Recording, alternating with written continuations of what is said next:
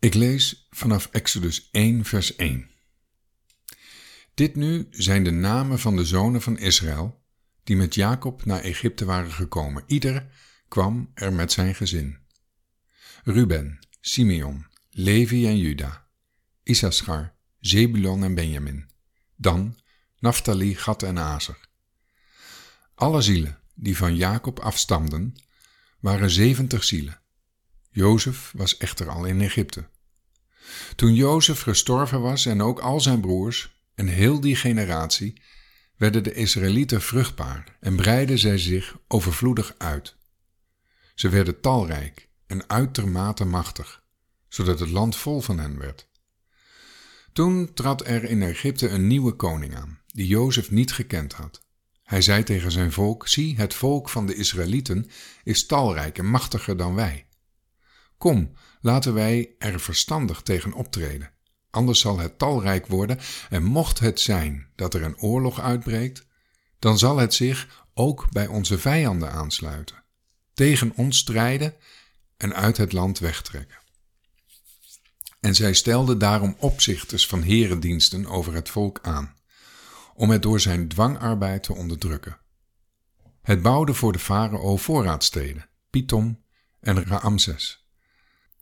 Hoe meer zij het echter onderdrukte, hoe talrijker het werd en hoe meer het zich uitbreidde, zodat zij in angst verkeerden vanwege de Israëlieten.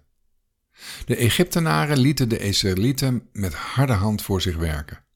Zij maakten het leven bitter voor hen, door hen zwaar werk te laten verrichten met leem en bakstenen, en door allerlei werk op het veld, al hun werk waarmee zij hen moesten dienen met harde hand. Bovendien zei de koning van Egypte tegen de vroedvrouwen van de Hebreeuwse vrouwen, van wie de naam van de een Shifra was en van de andere Pua, hij zei: Als u de Hebreeuwse vrouwen bij het bevallen helpt en u let op de stenen baarstoel, dan moet u, als het een zoon is, hem doden. Maar als het een dochter is, mag ze blijven leven. De voetvrouwen vreesden echter God en deden niet wat de koning van Egypte tot hen gesproken had maar lieten de jongetjes in leven. Toen riep de koning van Egypte de vroedvrouwen bij zich en zei tegen hen: Waarom hebt u dit gedaan? Dat u de jongetjes in leven laat. De vroedvrouwen zeiden tegen de farao: Omdat de Hebreeuwse vrouwen niet zijn zoals de Egyptische vrouwen, want zij zijn sterk. Ze hebben al gebaard voordat er een vroedvrouw bij hen is aangekomen. Daarom deed God aan de vroedvrouwen goed en het volk werd talrijk en zeer machtig. En het gebeurde omdat de vroedvrouwen God vreesden dat hij aan hen nakomelingen schonk. Toen gebood de farao heel zijn volk, al de zonen die geboren worden, moet u in de Nijl werpen, maar al de dochters mag u in leven laten. Ik ga door met Exodus 2. Een man uit het geslacht van Levi ging en nam een dochter van Levi tot vrouw. De vrouw werd zwanger en baarde een zoon. Toen zij hem zag, dat hij mooi was, verborg ze hem drie maanden.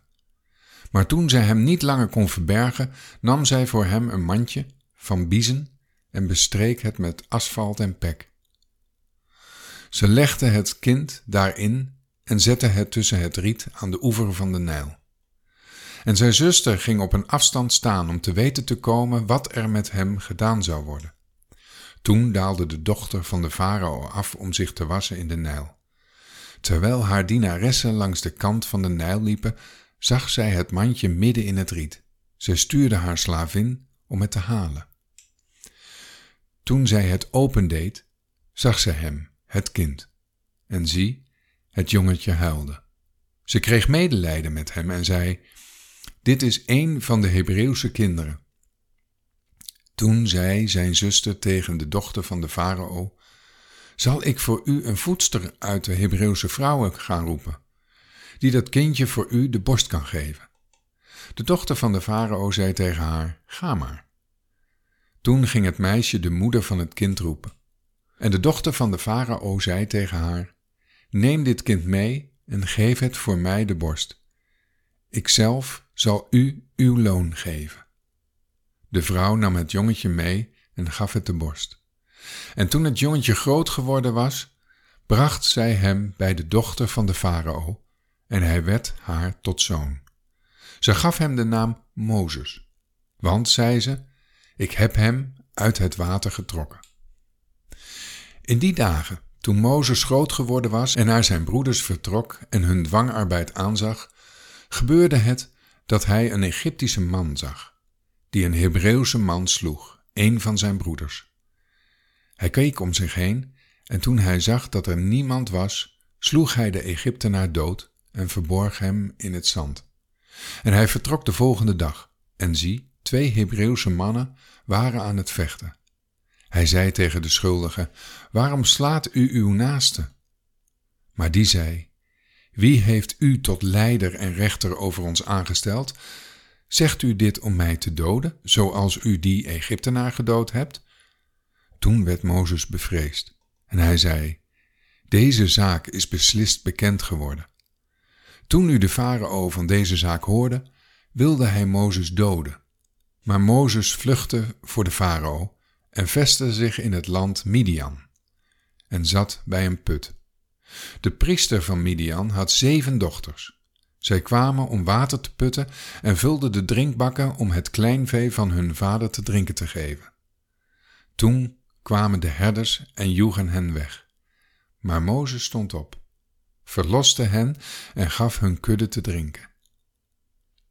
Toen zij bij hun vader Reuel kwamen, zei hij: Waarom zijn jullie vandaag zo snel teruggekomen? Ze zeiden: Een Egyptische man heeft ons gered uit de handen van de herders. Hij heeft ook overvloedig water voor ons geput en de kudde te drinken gegeven. Hij zei tegen zijn dochters: Waar is hij? Waarom hebben jullie die man daar achtergelaten? Roep hem om de maaltijd te komen gebruiken. Mozes stemde erin toe bij de man te blijven wonen, en hij gaf zijn dochter Sippora aan Mozes. Zij baden een zoon, en hij noemde hem Gerson, want, zei hij, ik ben een vreemdeling geworden in een vreemd land. Het gebeurde vele dagen daarna, toen de koning van Egypte gestorven was, dat de Israëlieten zuchtten en het uitschreeuwden vanwege de slavenarbeid. En hun hulpgeroep vanwege de slavenarbeid steeg omhoog tot God. Toen hoorde God hun gekerm, en God dacht aan zijn verbond met Abraham, met Isaac en met Jacob. En God zag naar de Israëlieten om en ontfermde zich over hen. Tot zover.